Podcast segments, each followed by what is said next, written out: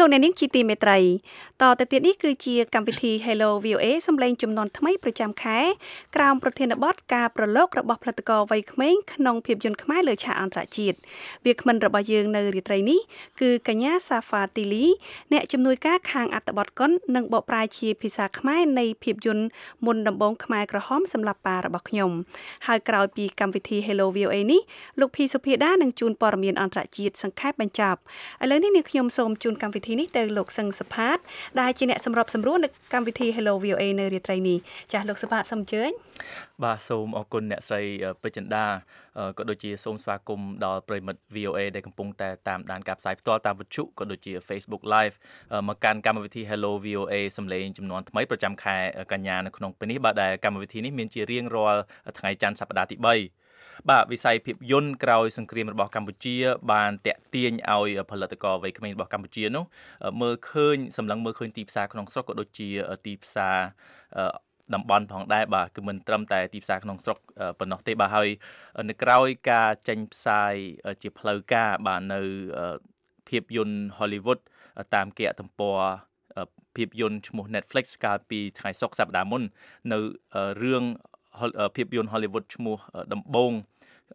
ខ្មែរក្រហមសម្រាប់ប៉ារបស់ខ្ញុំបាទដែលដឹកនាំដោយតារា Hollywood ល្បីគឺលោកស្រី Angelina Jolie និងសហការផលិតជាមួយលោកប៉ាន់រិទ្ធីដែលជាផលិតករខ្មែរដ៏ល្បីនោះបាទសំណួរសួរថាតើភាពយន្តនេះនឹងជួយជំរុញអ្វីដល់ផលិតករខ្មែរវ័យក្មេងក៏ដូចជាទស្សនកិច្ចទស្សនិកជនខ្មែរដែលជាអ្នកគ្រប់គ្រងចំពោះភាពយន្តទាំងនេះផងផងដែរបាទនៅលើឆាកអន្តរជាតិនោះតើ បាទហើយនៅក្នុងរាត្រីនេះខ្ញុំបានអញ្ជើញវាគ្មិនមួយរូបបាទដែលបានជាប់តាក់ទងទៅនឹងការផលិតរឿងមួយនេះផងដែរបាទដើម្បីចូលរួមបកស្រាយបាទគឺកញ្ញាសាហ្វាទីលីបាទកញ្ញាគឺជាអ្នកជំនួយការខាងអត្ថបទកុននិងបកប្រែភាសាខ្មែរនៃភាពយន្តមុនដំបូងខ្មែរក្រហមសម្រាប់ប៉ារបស់ខ្ញុំហើយបាទចូលរួមពេលនេះបាទបាទជាដំបូងនេះខ្ញុំសូមជម្រាបសួរកញ្ញាសាហ្វាទីលីបាទចាសូមជម្រាបសួរ បាទសូមអរគុណមែនទែនដែលបានចំណាយពេលវេលាចូលរួមការផ្សាយផ្ទាល់និងចែករំលែកពីបទពិសោធន៍នៅក្នុងពេលនេះបាទហើយសូមជម្រាបដល់ប្រិយមិត្តផងដែរថាបើសិនជាលោកអ្នកមានសំណួរអាចផ្ញើតាម Facebook ក៏ដូចជាតាមទូរស័ព្ទ012 51 51 94បាទបាទមុននឹងចូលដល់ប្រធានបទតែម្ដងខ្ញុំចង់សួរកញ្ញា Fatili ថាខ្ញុំដឹងថាកញ្ញា កំពុងតែចូលរួមផ្ទាល់ពី រដ្ឋ New Jersey ក្បែរទីក្រុង New York ហើយកាលពីថ្ងៃសុក្រសប្តាហ៍មុនឬថ្ងៃពហុសប្តាហ៍មុនបាទនៅពេលដែលមានការបញ្ចាំងកុននេះនៅទីក្រុង New York បាទនៅមុនការផ្សាយជាផ្លូវការនៅអឺសហរដ្ឋអាមេរិកនេះបាទអឺកញ្ញាបានចូលរួមការបញ្ចាំងជាផ្លូវការនៅទីក្រុង New York ដោយជួបជាមួយទាំង អ្នកដឹកនាំគឺលោកស្រីជូលីផងដែរលោកប៉ាន់រិទ្ធីអឺអ្នកស្រីអឹងលួង បាទអាចអាចជួយជម្រាបជូនប្រិយមិត្តតិចថាតើការផ្សាយរឿងនេះនៅសហរដ្ឋអាមេរិកនេះបានទទួលចំណាប់អារម្មណ៍អ្វីដែរតាមការសង្កេតរបស់កញ្ញានោះអំពីទស្សនិកជនអាមេរិកកាំងបាទចាតើតើនឹងការផ្សាយតើតើនឹងការប្រចាំកននៅ New Jersey នេះអឺនៅយុយកកាលពីថ្ងៃពហុ គឺមានការចាប់អារម្មណ៍យ៉ាងច្រើនពីភ្ញៀវបរទេសពីព្រោះថានៅពេលដែលយើងចាប់ដើមកុនពួកគាត់មិនទាន់បានទៅកណ្ដាលស្អីរឿងផងពួកគាត់ចាប់ដើមយើងចាប់ដើមលើសម្លេងពីការដូចថាទឹកចូលការយំការការដែលគាត់រំជួលចិត្តទៅនឹងព្រឹត្តិការណ៍អីដែលគាត់បានឃើញនៅក្នុងខ្សែភាពយន្ត ហើយបន្ទាប់ពីការបញ្ចប់គាត់យើងមិនទាន់ទៅមានឃើញពេលដូចចេញផងពួកគាត់ចាប់ដើមចាស់ដៃម្ដងហើយម្ដងទៀតពីការលើកទឹកចិត្តដល់ផលិតករខ្មែរយើងក៏ដូចជាលោកស្រីអិនជេលីណាជូលីដែលបានចូលរួមចំណែកក្នុងការដែលបានធ្វើគាត់នេះសម្រាប់ប្រទេសខ្មែរយើងហើយអឺគាត់ពេលដែលយើងប្រចាំកូនចោះពួកជនជាតិបរទេសគាត់មានការកោតសរសើរចំពោះស្នាដៃអឺ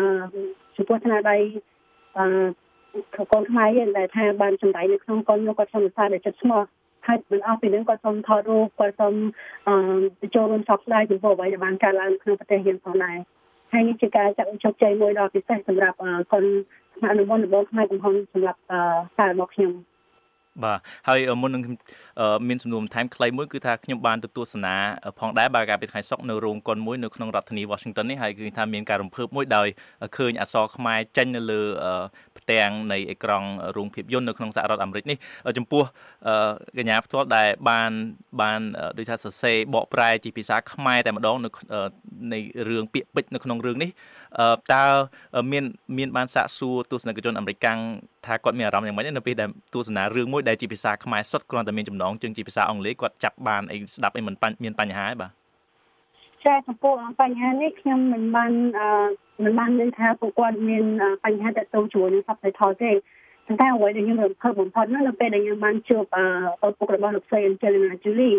អឺពីព្រោះមានអ្នកដែល introduce ខ្ញុំទៅកាន់គាត់ប្រាប់ថាអូខ្ញុំជាអ្នកដែលចូលរួមខាង script ហើយខ្ញុំជាអ្នកដែលជួយបកប្រែនៅក្នុងអឺ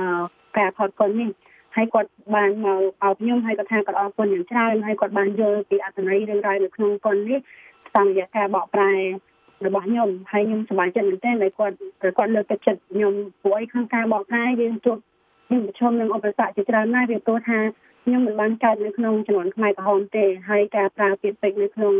ការប្រើពាក្យពេចន៍ឬមួយក៏បរិបទនៅក្នុងចំនួនហ្នឹងមានពិបាកក្នុងការយល់ដែរពេលខ្លះ ហើយតួសម្ដែងខ្លះមួយចំនួនធំគាត់ជាអ្នកដែលជាជនរងគ្រោះផ្ទាល់អញ្ចឹងគាត់ដឹងថាការប្រើប្រាស់ពីចំនួនហ្នឹងយ៉ាងម៉េចខ្លះ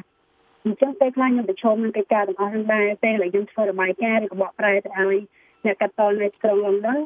ពេលខ្លះខ្ញុំបកអញ្ចឹងខ្ញុំប្រាប់គាត់ថាខ្ញុំសូមវិភាគសិនដូចដល់ពេលសក់ចំសប្តាហ៍បើខ្ញុំធ្វើការស្រាវជ្រាវដើម្បីបញ្ជូនពាក្យហ្នឹងអញ្ចឹងពេលខ្លះខ្ញុំប្រឈមនឹងបញ្ហាទាំងអស់ហ្នឹងដូច្នេះហើយខ្ញុំតាក់ទងទៅអ្នកដែលគាត់ជា survivor ផ្ទាល់ ហើយគាត់គាត់ជាអ្នកដែលស្រាវជ្រាវតាក់ទងពីបញ្ហាហ្នឹងអញ្ចឹងកន្លងមកខ្ញុំបានតាក់ទងទៅលោកយុទ្ធឆាងក្នុងការសួរនាំថាការប្រើប្រាស់ពាក្យខ្មែរក្រហមឲ្យត្រូវយ៉ាងម៉េចខ្លះថានេះនេះជាការជួយយ៉ាងច្រើនមែនទែនសម្រាប់ការបកស្រាយដើម្បីវាល្អហើយខ្ញុំឃើញថាក្នុងកុនហ្នឹងគេក៏កាត់ពាក្យច្រើនដែរតែទៅខ្មែរក្រហមអញ្ចឹងខ្ញុំឃើញមានពាក្យសម័យសម័យនេះមិនទៅមានពាក្យខ្មែរក្រហមអីច្រើនសម្រាប់ដែរប៉ុន្តែនៅពេលយើងថតយើងថតទាំងទាំងមូលតែម្ដងអញ្ចឹងមានការបកប្រែខ្លះពីព្រោះ ពីព្រោះអ្នកខ្លះតួខ្លះគាត់និយាយហ្នឹងអត់មាននៅក្នុង script ទេអញ្ចឹងយើងត្រូវតែបកបាទមាន script តែពេលខ្លះគាត់និយាយលើពី script ទៅយើងត្រូវតែបកឲ្យប្រាប់ទៅខាងអ្នកកាត់តថានៅនេះលើពី script អញ្ចឹងនៅប្រយោគទីប្រហែលប្រហែលឆាកទីប្រហែលអីចឹងចា៎បាទហើយខ្ញុំនឹងស្វែងយល់បន្ថែមទៀតអំពីការដកពិសោធន៍របស់កញ្ញាពីការផលិតរឿងដែលមានលក្ខណៈ Hollywood នេះនៅនៅពេលខាងមុខទៀតផងដែរបាទហើយប៉ុន្តែមុននឹងចូលដល់ទីហ្នឹងខ្ញុំចង់សួរអំពីកញ្ញា សាហ្វាទីលីតែម្ដង បាទប្រហែលជាប្រិមិត្តក៏មានចម្ងល់សួរដូចគ្នាដែរគឺថាបច្ចុប្បន្ននេះកញ្ញាកំពុងតែសិក្សាថ្នាក់ អនុបណ្ឌិតខាងផ្នែកកិច្ចការសិក្សាអន្តរជាតិ Global Affairs នៅសាកលវិទ្យាល័យ Rutgers University ក្នុងរដ្ឋ New Jersey ហើយខ្ញុំខ្ញុំឆ្ងល់ថាតើដូច្នេះកញ្ញាបានចាប់អារម្មណ៍ទៅនឹងវិស័យភាពយន្តនេះពីពេលណាមកបាទដែលបានចូលតាក់ទងហើយជាពិសេសចំពោះរឿងមុនដំបូងខ្មែរក្រហមសម្រាប់ប៉ារបស់ខ្ញុំបាទធ្វើម៉េចបានចូលតាក់ទងបាទអាចជួយសង្ខេបតិចបាទចាមុនដំបូងខ្ញុំជាខ្ញុំជាមកលើនៅខាងវិទ្យាល័យកម្ពុជាហើយខ្ញុំចាប់អារម្មណ៍ខាងផ្នែកគុណ ខ្ញុំធ្វើការនៅខាងបណ្ណាសាស្ត្រដ្ឋានខាងនៅវិទ្យាល័យសាស្ត្រកម្ពុជាហើយដល់ពេលដែលខ្ញុំឃើញថាមានការប្រកាសរើបុគ្គលនៅក្នុងអឺការងារផល Hollywood ក៏ដូចជាសហការជាមួយនឹងបុផានហើយខ្ញុំក៏ដាក់ពាក្យដើម្បីសូមធ្វើការនៅនៅខាងក្រុមការងារតោះមកខ្ញុំត្រូវបានរើហើយតែដំបូងហើយខ្ញុំដាក់ពាក្យទៅខាង GAD ទេជាជំនួយការ Pod Director តែដែលថាអឺ ខាងក្រុមការងារគាត់ថាឲ្យខ្ញុំទៅខាង script ទៅព្រោះគាត់មើល CV មើលអីចឹងគាត់ថាទៅខាងហ្នឹងប្រពន្ធខ្ញុំមានបទពិសោធន៍ជាមួយនឹងជនរងគ្រោះក៏ដូចជាជនដៃដល់ជំនាន់សម្ភារពួកគាត់ពីមុនមកអញ្ចឹងខ្ញុំក៏ត្រូវបានចាត់តាំងឲ្យទៅធ្វើការជាខាង script ហើយនឹងជំនួយការរបស់លោក Flame General Julie ខាងផ្នែកភាសាផ្សេងផ្សេងចា៎បាទចាប់អារម្មណ៍អំពីភាពយន្តហ្នឹងតាំងពីទូចមកហ៎អឺរឿងភាពយន្តនេះខ្ញុំ អឺចាក់ទៅវិស័យសិល្បៈនេះខ្ញុំមិនដែលមានកំណត់ថាចង់ប្រឡូកនៅក្នុងការធ្វើកុននេះនោះទេដើមឡើយខ្ញុំចង់ថាជាមេធាវីប៉ុន្តែដោយសារថាខ្ញុំគិតថាអូក៏ប្រព័ន្ធផ្សព្វផ្សាយដូចជានៅខាងមេឌៀដើរតួយ៉ាងសំខាន់នៅក្នុងសង្គមបើមិនយើងចង់ឲ្យសម្លេងដែលមិនបានលឺបានលឿនលឿនឬមួយក៏យើងចង់អប់រំមនុស្សគឺការប្រើប្រាស់កុនវាមានលក្ខណៈសំខាន់ហើយលឿនអញ្ចឹងខ្ញុំក៏ជ្រើសយកវិស័យភាពយន្តដើម្បីជា career សម្រាប់អនាគតខ្ញុំ បាទបាទសូមអរគុណចំពោះការសង្ខេបពីប្រវត្តិតកតងទៅនឹងប្រវត្តិតោះខ្លួនរបស់កញ្ញាតកតងទៅនឹងការថតភាពយន្តក៏ដូចជាភាពយន្តនេះតែម្ដងបាទហើយចំពោះប្រិមិត្តដែលទើបតែបានចូលរួមស្ដាប់ក៏ដូចជាទស្សនាតាម Facebook Live នេះផងដែរបាទនេះជាកម្មវិធី Hello VOA សំឡេងចំនួនថ្មីប្រចាំខែកញ្ញាដែលយើងពិភាក្សាអំពី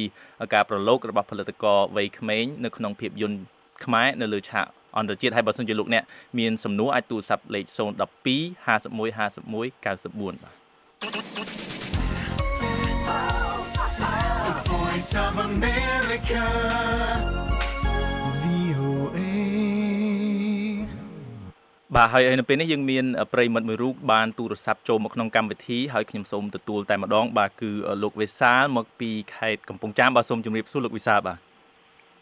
បាទសូមជម្រាបសួរដល់លោកសង្ឃសថាជាអ្នកសម្របសម្រួលជម្រាបសួរដល់កញ្ញាជីវៈក្មិនផងបាទបាទជម្រាបសួរ បាទលោកមានសំណួរតកតងទៅប្រធានបទថ្ងៃនេះខ្ញុំមានចំណាប់អារម្មណ៍ឬថាកញ្ញាបានមានស្នាដៃក្នុងការអឺផលិតនៅភាពយន្តពីរឿងចំរបបខ្មែរក្រហមអញ្ចឹងណាអញ្ចឹងវាជារឿងមួយដែលខ្មែរទាំងអស់ត្រូវចងចាំហើយខ្ញុំក៏វាតន់នៅក្នុងចំនួនហ្នឹងគឺខ្ញុំអាចដឹងអ្វីទាំងអស់ប៉ុន្តែខ្ញុំចង់ឲ្យកញ្ញានឹងតើអាចមានអឺទឹកចិត្តមួយដើម្បីបង្កើតភាពយន្តដែលផលិត ដោយស្នាដៃរបស់កញ្ញានឹងនៅក្នុងប្រទេសខ្មែរទៅតាមបច្ចុប្បន្នភាពនេះវិញហើយឲ្យមានលក្ខណៈថាស្វែងរកនៅក្នុងភាពចម្រើនជឿនលឿននិងបណ្ដុះនៅវប្បធម៌ដល់យុវជនសម័យទំនើបថ្មីយើងហៅថាចំនួនចំនួនទំនើបថ្មីយើងហ្នឹងដើម្បីឆ្លុះបញ្ចាំងអំពីស្រុកខ្មែរឥឡូវនេះវាកាន់តែមានសភាព ប្រហែលទៅរកវិលរបបខ្មែរក្រមដែរហើយគឺដូចជាការមានការអឺឆ្លៀយួនឆ្លៀនពៀនយកទឹកដីខ្មែរមានអ្នកដែលកាន់អំណាចនៅក្នុងទឹកដីនៅក្នុងប្រទេសខ្មែរអងៃកាត់ ដីឲ្យយួនកាប់បំផ្លាញព្រៃឈើបាញ់សម្លាប់ទៅដល់ប្រជាប្រដ្ឋខ្មែរក៏ដូចជាកម្មករអីចឹងទៅអ្នកដែលការពារបរិស្ថានព្រៃឈើអីចឹងសិតតែអ្នកដែលហៅថាឆ្លុះបញ្ចាំងអំពីរបៀបលទ្ធិប្រជាធិបតេយ្យដើម្បីចង់បាននៅលទ្ធិប្រជាធិបតេយ្យមួយដែលវាល្អដូចនៅសហរដ្ឋអាមេរិកចឹងចង់ឲ្យកញ្ញានឹងតើអាចនឹងផលិតនឹងភាពយន្តនៅក្នុងសម័យរបបបច្ចុប្បន្ននេះដែលជាសម័យដែលយើងប្រជាប្រដ្ឋរាប់លានអ្នកមិនអាចទទួលយកបានដោយសារការគ្រប់គ្រងនោះវារបៀបរបបខ្មែរក្រហមដូចគ្នាហើយមានការបាញ់សម្លាប់ដូចជាបណ្ឌិតកែមលីក៏គាត់ត្រូវស្លាប់ដោយសារខ្មាំងកំភ្លើងអញ្ចឹងណាហើយមានការប្រត់ប្រាស់ប្រពន្ធកូននេះត្រូវនិរទេសទៅបាទលោកវិសាដល់ប្រទេសក្រៅខ្ញុំចង់សួរកញ្ញាថាអាចផលិតនៅភាពយន្តនៅក្នុងសម័យនេះដើម្បីឆ្លុះបញ្ចាំងពីបច្ចុប្បន្នភាពនេះឲ្យបានបាទលោកវិសាដូចនៅក្នុងខ្សែភាពរបស់កញ្ញាដែលផលិតពីរឿងខ្មែរក្រហមនឹងបានដែរឬទេបាទសូមអរគុណបាទសូមជម្រាបលាបាទ ចាសូមអរគុណចំពោះសំណួររបស់លោកវិសាលអឺឆ្លើយតបទៅនឹងសំណួរនេះខ្ញុំសូមជម្រាបថាអឺមានអ្នកជាច្រើនដូចជាមិត្តភ័ក្តិឬក៏ក្រុមគ្រួសារខ្ញុំត្រូវសួរថាបើខ្ញុំចូលចិត្តខាងវិស័យភាពយន្តតើហេតុអីខ្ញុំមិនចូលទៅសាលាកុនបើទោះជាបីជា director ឬមួយក៏គ្រូនៅក្នុងនេះក្តីនៅសាលាខ្ញុំផ្ទាល់ក្តីនៅពេលធម្មតាពេលយើងចូលរៀនធម្មនេះដំបូងយើងត្រូវតែណែនាំខ្លួនយើងទៅកាន់អ្នកគ្រប់គ្រងហើយនៅ background របស់យើងគឺថាយើងជាអ្នកណាហើយយើង ជំនាញនេះពីមុនមកជាស្អីខ្ញុំបានប្រាប់គេថាខ្ញុំចូលចិត្តខាងកុនខ្ញុំចូលចិត្តការផលិតកុនហេតុអីក៏ខ្ញុំមិនទៅសាលាកុនហេតុអីក៏ខ្ញុំចេះយកមករៀនកិច្ចការពិភពលោកនេះទៅវិញកិច្ចការសហជីពនេះទៅវិញដោយសារតែខ្ញុំយល់ឃើញថាបើយើងចង់ធ្វើគុណឬមកក៏យើងចង់ធ្វើកិច្ចការសង្គមមួយដ៏ល្អយើងត្រូវតែយល់ដឹងអំពីចំណេះដឹងទូទៅឲ្យបានច្រើនដូចជាការរឿងមួយដែលអាចល្អទៅបានគឺសំខាន់នៅការស្រាវជ្រាវបានច្បាស់លាស់ អញ្ចឹងហើយការដែលខ្ញុំមកប្រឡូកនៅក្នុងសាលានេះខ្ញុំរៀនតាំងពីរឿងបរិស្ថាននិយាយរឿងពីរឿងចំនួននៅក្នុងតំបន់ចំនួនលក្ខណៈអន្តរជាតិរៀនរឿងបរិយាកាសអញ្ចឹងគោលបំណងខ្ញុំគឺដើម្បីឲ្យមានចំណេះដឹងកាន់តែទូលំទូលាយនៅពេលខ្ញុំត្រឡប់ទៅវិញខ្ញុំត្រូវធ្វើកុនមួយឲ្យល្អដើម្បីផ្សាយអំពីប្រទេសនេះទៅកាន់ពិភពលោកជាបំណងរបស់ខ្ញុំហើយកន្លងទៅឥឡូវនេះខ្ញុំក៏កំពុងតែធ្វើទៅការជាមួយអ្នកខ្ញុំជា ធ្វើជាគម្រោងកុនដើម្បីផលិតនៅពេលថ្ងៃមុខទៀតគម្រោងនេះគឺកុនថ្មីនេះគឺ3ឆ្នាំតែខ្ញុំសូមលាក់សង្ខាខ្ញុំមិនអាចកាត់ថាចំណងជើងកុនឬមួយក៏ប្រធានបទកុនរបស់ខ្ញុំនឹងជាស្អីនៅឡើយទេចា៎តែនេះគម្រោង3ឆ្នាំសម្រាប់ផលនេះទៅទៅមុខទៀត បាទខ្ញុំចាំរងចាំមើលភាពយន្តរបស់កញ្ញាផងដែរបាទ3ឆ្នាំទៀតអឺតកតងនឹងសំណួររបស់លោកវិសាលដែរមិនមិនចំជាលក្ខណៈសំណួរអំពីប្រធានបទដែលលោកមានប្រសាសន៍ទេប៉ុន្តែជាក់ស្ដែងតកតងនឹងកុនដំបងខ្មែរខំសម្រាប់ប៉ារបស់ខ្ញុំដែលដឹកនាំដោយលោកស្រីយូលីហ្នឹងគឺតាមដែលខ្ញុំដឹងគឺជាភាពយន្ត Netflix ដំបូងជាភាសាខ្មែរតែម្ដងបាទទាំងស្រុងហើយអឺ ដែលយើងអាចថាប្រហែលជាកុនហូលីវូដជាភាសាខ្មែរដំបូងដែរប៉ុន្តែខ្ញុំមិនបានច្បាស់ពីនេះប៉ុន្តែចំណុចដែលសំខាន់នោះគឺក្រៅពីខ្លឹមសារនៃសាច់រឿងតែម្ដងបាទការផលិតរឿងនេះគឺគាត់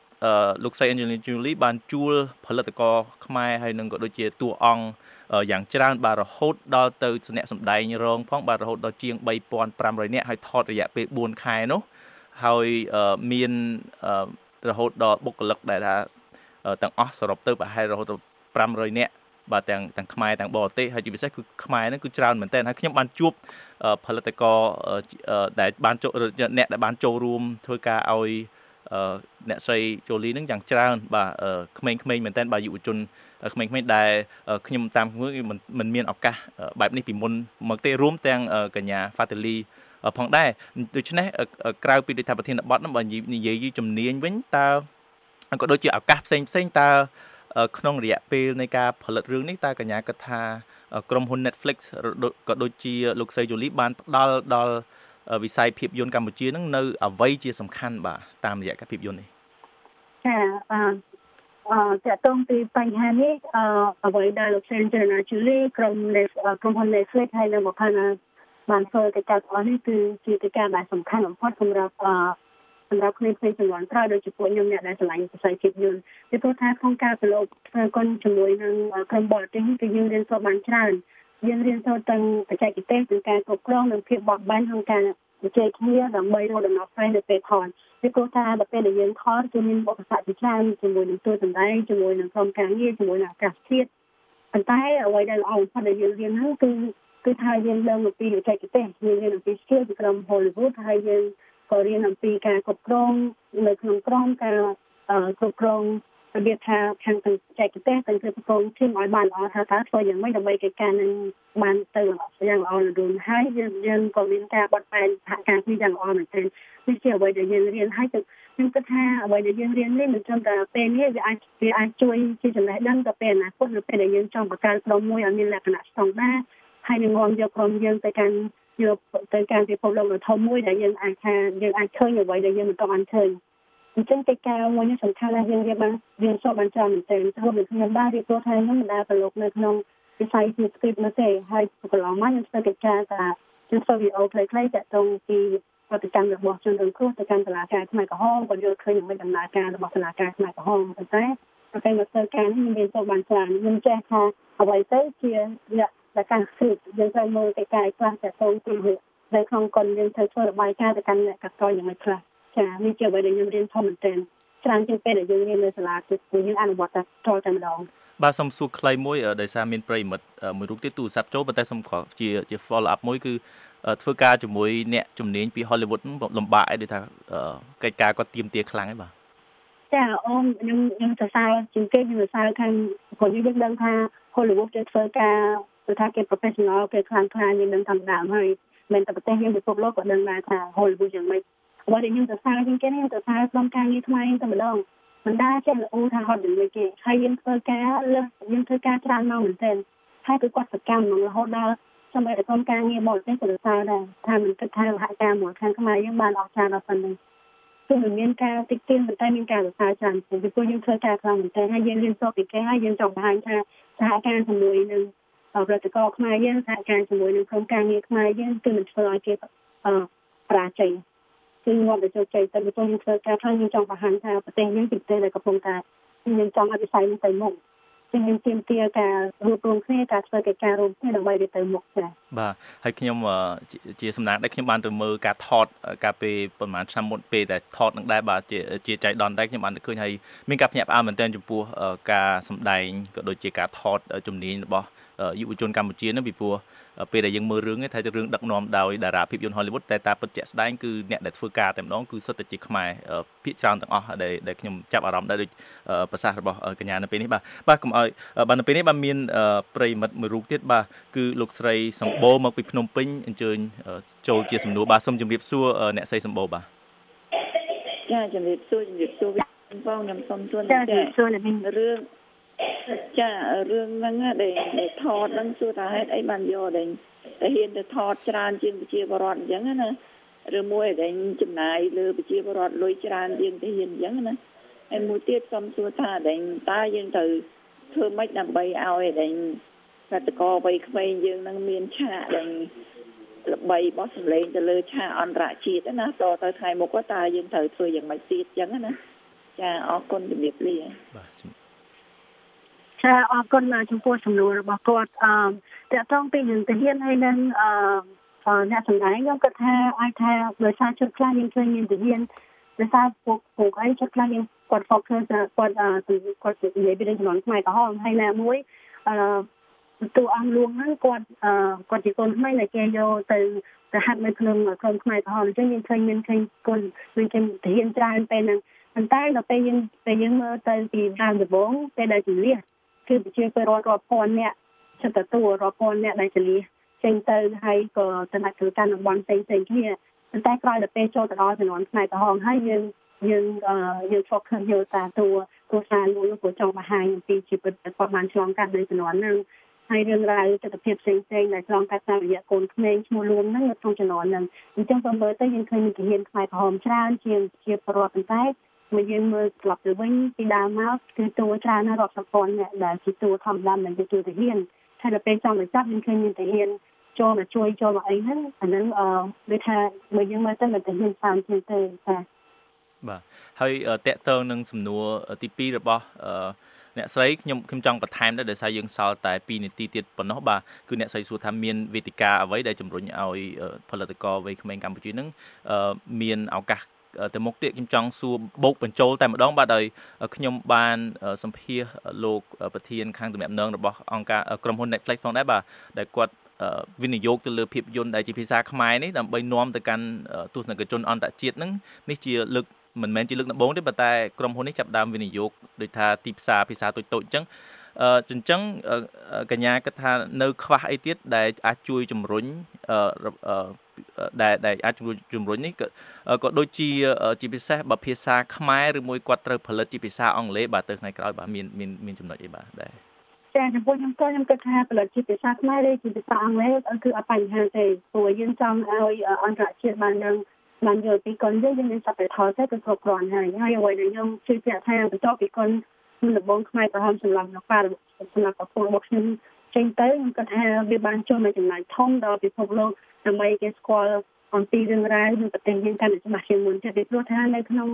នៅក្នុងក្រៅខាងក្រៅពីស្រុកយើងឬមួយក៏ក្នុងបរិយាកាសឬមួយក៏នៅខាងអាមេរិកនេះបើទោះជាមានការនិយាយពីរឿងខ្មែរក្រហមមែនតែតែចំនួនគឺអត់ដឹងទេអញ្ចឹងគាត់នេះបានជួយយ៉ាងធំធេងដើម្បីគេស្គាល់ពីស្រុកយើង ហើយអ្វីដែលយើងចំណេញមកវិញនោះគឺថាគេយល់ថាការធ្វើការងាររបស់ខ្មែរយើងជាមួយនឹងបរទេសគឺបានយ៉ាងល្អអញ្ចឹងយើងអាចចាក់ទាញអ្នកដែលចង់ធ្វើគុណជាមួយនឹងស្រុកយើងមកកាន់តែច្រើនទៀតហើយអ្វីដែលជួយដល់ប្រតិកម្មខ្មែរយើងគឺថាអ្នកដែលបានចូលរួមជាមួយនឹងប្រតិកម្មអឺផលលោកស្រីអញ្ជលណាជួយលេឬមួយក៏អ្នកមិនបានចូលរួមគឺគឺគាត់នេះបានលើកទឹកចិត្តពួកគាត់ហើយគាត់ប្រឹងប្រែងធ្វើប៉ុនមួយដែលជាស្នាដៃរបស់ខ្លួនឯងផ្ទាល់តែម្ដងដើម្បីបង្ហាញទៅពិភពលោកហើយខ្ញុំជឿថាគាត់នេះបានចូលរួមចំណែកយ៉ាងធំដើម្បីលើកទឹកចិត្តពួកយើង ហើយជាចុងក្រោយអ្វីដែលខ្ញុំគិតថាខ្ញុំចង់ផ្ដល់ជាយោបល់ឬមួយក៏ទៅខ្លួនខ្ញុំដែរថាយើងគួរតែរកឱកាសធ្វើកិច្ចការជាមួយបាក់យកបទពិសោធន៍ជាមួយនឹងបរទេសឬមួយក៏គាត់ចង់ធ្វើឲ្យបានច្រើនដើម្បីនាំយកបទពិសោធន៍នោះមកកាន់ស្រុកយើងពលិវិស័យភាពយន្តរបស់យើងឲ្យកាន់តែខ្លាំងក្លាពីព្រោះយើងមិនមែនអន់ទេឥឡូវយើងកំពុងដើរទៅមុខដែរប៉ុន្តែឲ្យកាន់តែខ្លាំងជាងនឹងទៀតនេះជាអ្វីដែលយើងកំពុងស្វែងរកសម្រាប់ខ្លួនឯងដែរ បាទហើយយើងសល់មួយនាទីទៀតគឺខ្ញុំទំបានដំណឹងព្រឹកនេះថាកុននឹងនឹងដាក់ជាដាក់ចូលអស្ការនៅ ក្នុង ឆ្នាំក្រោយនេះ ទី1តើកញ្ញាគិតថាមានសង្ឃឹមប៉ុណ្ណាបាទនឹងអាចទទួលបានអស្ការព្រោះយើងធ្លាប់មានកុនវាលពិឃាត The Killing Field បានម្ដងហើយនិងទី2ក្រៅពីប្រធានបទខ្មែរក្រហមបាទនៅតែ3រឿងប្រធានបទខ្មែរក្រហមដដែលចំពោះភាពយន្តខ្មែរអន្តរជាតិអាចមានអីផ្សេងទៀតទេបាទចាបើយើងកលេចមើលពីចំណុចនេះ ពេលដែលគេនិយាយពីរឿងរបស់ខ្មែរក្រហមអ្នកណាក៏កលេចមើលទៅរឿង Killing Field ដើម្បីជាការយល់ដឹងពីខ្មែរក្រហមតែរឿងមួយនេះជារឿងថ្មីដែលសារនិយាយភាសាដើមរបស់យើងជាភាសាខ្មែរយើងហើយហើយទស្សនវិជ្ជាទាំងឡាយដែលបានបង្ហាញនៅក្នុងកុននេះគឺតាមរយៈកូនស្រីស្រីមួយដែលបានឃើញអ្វីដែលបានកើតឡើងនៅជំនាន់ហ្នឹងហើយខ្ញុំជឿជាក់ថាកុននេះនឹងទទួលបានជាវិភាពខ្លាំងអំពីអឺខាងបរទេសក៏ដូចជាខ្មែរពីព្រោះថាកុននេះបង្ហាញអំពីការស្រឡាញ់បង្ហាញអំពីវប្បធម៌របស់យើងនៅក្នុងហ្នឹងហើយជាពិសេស បង្ហាញអំពីការអឺអ្វីដែលបានកើតឡើងនៅក្នុងស្រុកយើងឲ្យពិភពលោកកាន់តែឃើញច្បាស់បាទហើយខ្ញុំជឿជាក់ថានឹងយើងនឹងបានទទួលជោគជ័យបើសិនជាយើងនាំគ្នាគ្រប់គ្រងឲ្យកាន់តែខ្លាំងឡើងចំពោះភាពយន្តមួយនេះបាទហើយដោយសារពេលវេលាមានតែប៉ុណ្ណេះបាទខ្ញុំសូមអរគុណកញ្ញាសាហ្វាទីលីដែលបានចូលរួមផ្ទាល់នៅពេលនេះក៏ដូចជាអរគុណចំពោះប្រិមិត្តដែលបានចូលរួមតាមវិទ្យុនិង Facebook Live បាទនៅពេលនេះខ្ញុំអ្នកសម្របសម្រួលសង្ឃសុផាតសូមអរគុណនិងសូមជម្រាបលាចាសូមអរគុណ